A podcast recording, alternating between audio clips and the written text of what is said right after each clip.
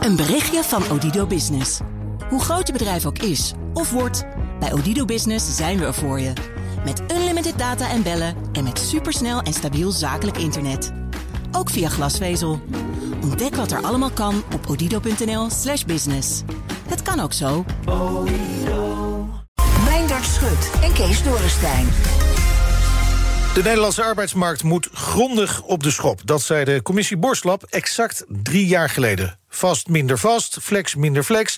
Maar ja, waar blijft die radicale hervorming? En is Borslap niet volledig achterhaald...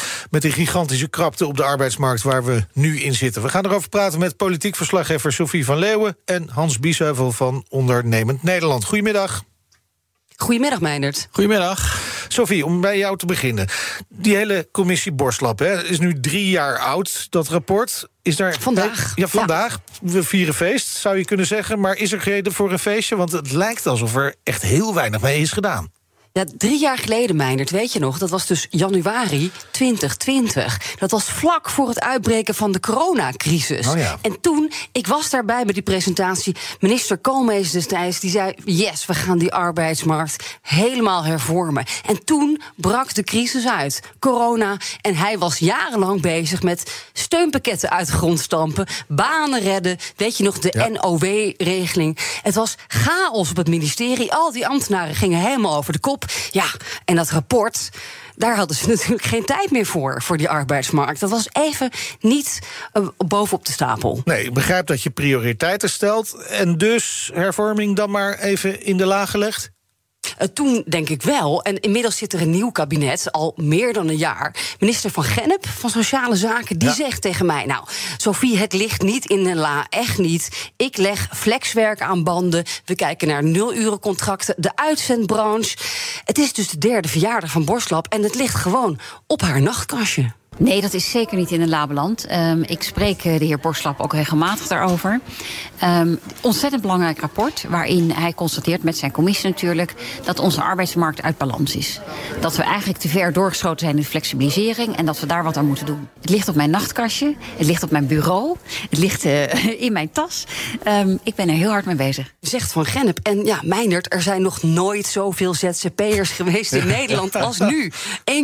1,2 miljoen. Ja. Het is feest in ZZP-land. Dus ja, uh, het ligt naast zijn bed. Dag en nacht is het ermee bezig, Ja, de maar, minister. maar, maar Sophie, uh, ik heb ook boeken, hele mooie boeken op mijn nachtkastje uh, liggen... maar daar heb ik al jaren geen letter in gelezen. Komt dat wel Ja. goed? Ik ook, ja. En dan zet ik ze toch maar weer terug in de boekenkast. Want dan denk ik, ja, dat komt er helemaal niet meer van, van dat fantastische verhaal. Ja, uh, het is work in progress. Ik, uh, ik moet het nog even zien. Ah, maar toch, Sophie, als we keken naar de verkiezingsprogramma's... van de, verkiezingen van een jaar, uh, in ieder geval uh, de, iets daarvoor nog... Hè, bijna twee jaar geleden al... Daar, het stond eigenlijk in, in de programma's van alle vier de coalitiepartijen. Niet zozeer dat ze het helemaal wilden overnemen. Volgens mij alleen ChristenUnie die wilde het één op één gewoon in gaan voeren. Dus op zich is er toch genoeg motivatie in Den Haag om er wat mee te doen?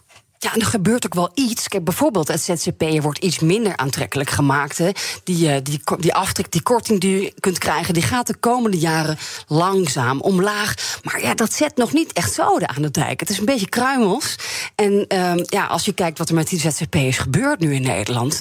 dan zie ik nog geen direct effect op de arbeidsmarkt. Uh, Hans Biesheuvel, even naar jou, namens Ondernemend Nederland. Uh, drie jaar dus na dat rapport uh.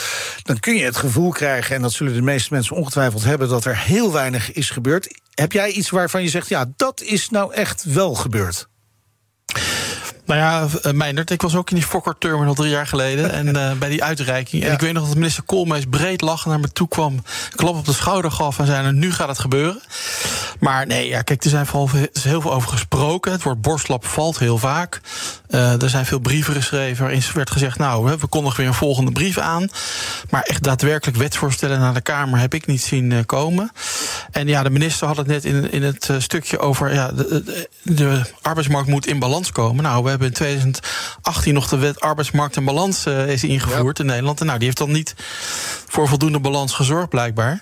Maar er wordt veel over gepraat. Er is nog weinig echt gebeurd. En ik verwacht ook niet dat de komende 1, 2 jaren daadwerkelijk iets gaat, iets gaat veranderen, helaas. En je kunt ook wel zeggen dat er in die afgelopen drie jaar ontzettend veel is gebeurd. Hè. De coronacrisis hadden we het net al over. Enorme inflatie, enorme krapte op de arbeidsmarkt. Is Borslap inmiddels na drie jaar niet gewoon achterhaald? Kan het in de prullenbak? Nou, ik denk voor een deel dat je daar gelijk in hebt. Kijk, uh, die krapte, die kennen we in 2020 nog helemaal niet. En overigens de analyse van het Borslap ging over de tien jaar daarvoor. Nou ja, tien jaar geleden hadden we de kredietcrisis, hadden we een mega werkeloosheid. Ja. dus een hele andere situatie dan, dan nu. Bovendien, kijk, die coronacrisis heeft natuurlijk ook een heel andere blik van mensen op het organiseren van het werk opgeleverd. Kijk maar naar thuiswerken. Hè. Mijn collega's bij ONL ook, die, ja, die werken drie dagen een week op kantoor en twee dagen een week thuis. Nou, dat is, geldt voor heel veel bedrijven. Dus die hele kijk op werk is ook echt veranderd. En wat ik heel sterk vond van Borslab, dat wil ik wel zeggen, was zeg maar die brede aanpak. Hè. Zijn, die moet niet één ding doen, die moet al die dingen doen. Om het waterbed bijvoorbeeld uh, effect eh, te voorkomen. Uh, dus geen cherrypicking doen, maar kijk echt naar het geheel van die arbeidsmarkt. En ja, wat, wat je nu toch een beetje ziet, ook in de discussies, ook bij minister van Genep, dat men toch weer aan, met die cherrypicking bezig is. Bezig is. Ja, dat, daardoor mis je een klein beetje die, dat uitgangspunt van Borslab. Pak het nou over de hele brede linie aan, zeg maar. Ja, want die groei van ZZP'ers, dat is dus een ja. waterbedeffect. Ja, Omdat je dus ander flexwerk uh, gaat indammen of uh, uitzendwerk. Dus, hè, daar, daar, dus... Daar, dat is gereguleerd, meer gereguleerd... en daardoor krijg je nu meer ZZP'ers. Ja, het is een explosie aan ZZP'ers. En dat heeft hier denk ik mee te maken. Maar ook wel denk ik met het feit dat mensen... en dat heeft ook met die coronatijd te maken... toch de ruimte willen hebben om hun leven anders in te richten. Vergeet ook niet dat er bij bedrijven ontzettend veel gebeurd is. In twee jaar corona, wat we niet aan zagen komen. Maar ook het afgelopen jaar een energiecrisis die we niet aan zagen komen. In van Oekraïne. Ja, bedrijven moeten ook heel erg wendbaar en flexibel zijn. Het is niet zo zoals toen ik begon met ondernemen 30 jaar geleden. Je kon zeggen, nou, dat ga ik nu eens even vijf jaar doen. En zie ik wel weer. Ja. Soms lukt het niet eens om vijf maanden vooruit te kijken. Dus die wendbaarheid en die flexibiliteit hebben we ook met z'n allen keihard nodig. Maar heeft het ook niet gewoon met de krapte van de arbeidsmarkt te maken? Het is, eh, de vraag naar personeel is erg groot. Dus ga je ook maar duur eh, personeel van buiten tijdelijk inhuren. Dus is het gewoon heel lucratief om nu ZZP'er te worden. Zeker. En nogmaals, er zijn meerdere oorzaken voor. Hè, maar dit, dat speelt zeker heel erg mee. Maar bijvoorbeeld ook die krapte. in het hele rapport Borslap komt dat onderwerp helemaal niet naar voren. Dus mijn, mijn grote vraag nu is ook van ja, die uitgangspunten van het rapport Borslap. Hè, voor een deel zijn ze nog relevant, maar voor een deel zijn er hele nieuwe uitgangspunten maar ontstaan. Krapte zagen we niet aankomen. We hebben het al twintig jaar over vergrijzing, meneer ja. Biesheuvel. Dat kan toch niet als een verrassing komen? Ja, dat er nu opeens een grote boemersgeneratie met pensioen gaat? Nee, die vergrijzing is natuurlijk op zich geen verrassing. Maar kan je zeggen, ik heb het afgelopen jaar denk 200 werkbezoeken afgelegd. En waar ik ook in Nederland ben gekomen, bij grote en kleine bedrijven. Iedereen zegt, waar zijn, waar zijn de mensen gebleven? En ja, dat zagen we toch echt niet aankomen. Ja, met pensioen, maar, ook, maar, maar, maar voor Sophie en, en, Hans, wat we nu weer zien... we krijgen eh, de ene bericht na het andere over grote techbedrijven... die mensen gaan ontslaan. We worden al de hele tijd wordt ons een eh, crisis beloofd. Niet dat ik er heel erg naar uitkijk, maar die zal ongetwijfeld onze kant opkomen. Ja, dan zitten we opeens weer in een hele andere situatie... waar die krapte in ieder geval tijdelijk er niet is. En als de politiek zich daar dan mee gaat bemoeien... dan krijg je weer misschien geen goed plan. Nee, daar heb je gelijk in. Dus dat betekent dat mensen moeten weerbaar zijn. Hè? Want die veranderingen, hè, het ene moment hebben we krapte... het volgende moment hebben we misschien weer ontslagrondes. Dus die weerbaarheid van mensen is belangrijk. Dat zegt ook Borslap, hè, daar moet je echt in investeren. Alleen dat moet je op een, op een nieuwe manier doen. Niet die oude manier hè, van een vast arbeidscontract... en je zat 40 jaar bij de ene werkgever... Maar mensen hebben wel andere dingen nodig hè, om zich aan vast te houden. Bijvoorbeeld als het gaat om arbeidsongeschiktheid of een pensioen. Nou, en dat moeten we gewoon op een betere manier, modernere manier, toekomstgerichte manier regelen. Daar liggen voorstellen, toch voor het ZZP-pensioen, arbeidsongeschiktheidsverzekering. Daar wordt wel over nagedacht en aan gewerkt. Er wordt zeker over nagedacht. En bedoel, dat zijn ook allemaal uh, onderwerpen die, die, die, die zeg maar wel voldoende besproken worden. Maar laat ik zeggen, daadwerkelijk effect in de arbeidsmarkten. Dat je echt voelt, oké, deze maatregelen zijn nu genomen, maar die hebben ook het gewenste effect. Ja, dat ontbreekt nog. Maar uh, Hans, als we nu kijken, er wordt gezegd tegenover de, de politiek: neem nou eens regie. Maar tegen de vakbonden, de werkgever wordt gezegd: doe nou, blijf nou niet zo in die traditionele oplossingen denken. Wij zijn van de oplossingen bij BNR. Hoe moeten we dit nu even op gang krijgen en echt oplossen? Even regelen. Nou, ik heb altijd gezegd, kijk, ik, ik, was een groot voorstander van de conclusies van Borslap. Hè, toen. Ik heb altijd gezegd, wat mij betreft is dat alles beter dan wat we nu hebben. Dus ga, neem dat dan als vertrekpunt en voer het gewoon door. En kijk dan later nog van, moeten we nog dingen aanpassen? Dat punt van die krapte van de arbeidsmarkt, ja, dat is wel een nieuw fenomeen. Daar moeten we echt iets mee. We hebben nog steeds 1 miljoen mensen met een uitkering of die niet werken, die we toch heel moeilijk aan het werk krijgen. Dus daar moet veel meer effort op. Niet alleen bij de politiek, maar ook bij werkgevers uh, zelf. Want ik zie ook heel veel werkgevers nog in de leunstoel zitten van, nou ja, ik zet de vacature en ik zie wel wat op me afkomt. Nee, dat moet veel actiever. Dus er ligt heel veel werk. Maar er is ook nog iets anders, want Borstlap die, die beloofde ontslagrecht moet versoepeld, loondoorbetaling bij ziekte is nu twee jaar. Dat is een enorme verantwoordelijkheid voor die werkgever. Dat moet naar één jaar. Waar is het? Heeft u uw werk wel goed gedaan? Nou, sterker nog, ik had, ik had in de tijd met Lodewijk Asscher al de deal dat hij daar wat aan zou doen. Als hij het debat met hem terugziet van tien jaar geleden. Ja, die is weg. Beloofde hij het ook al. Wordt al tien jaar lang beloofd niet gehandeld. Maar je hebt helemaal gelijk. Kijk, op pagina 1 van het rapport Borstap staat letterlijk van je moet dat werkgeverschap ook een beetje gaan verlichten. Om te zorgen dat zeg maar, die werkgevers ook weer meer de bereidheid hebben hebben om al die uitdagingen aan te gaan van dat werkgeverschap. Uh, dus ik roep minister van Gennep ook op. Ga nou niet alleen aan die flexkant kijken, maar kijk ook wat kan je doen richting die werkgevers.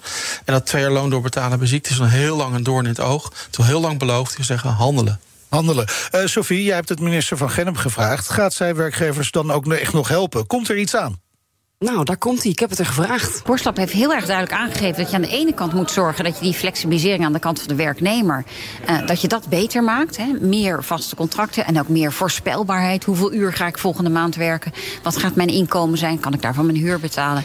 Tegelijkertijd voor de wendbaarheid van ondernemingen moet zorgen. Dat zit er ook heel erg duidelijk in. Zit ook heel erg duidelijk in het coalitieakkoord.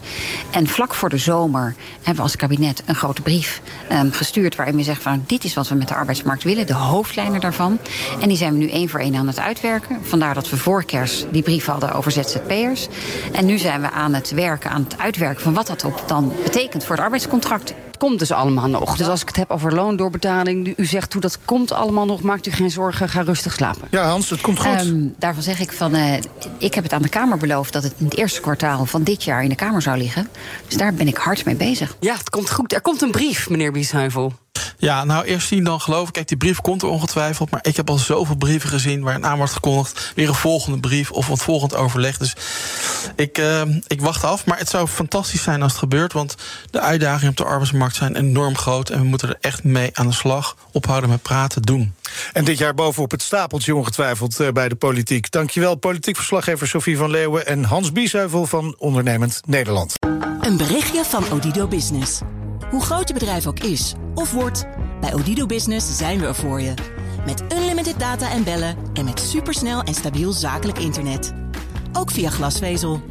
Ontdek wat er allemaal kan op odido.nl/slash business. Het kan ook zo.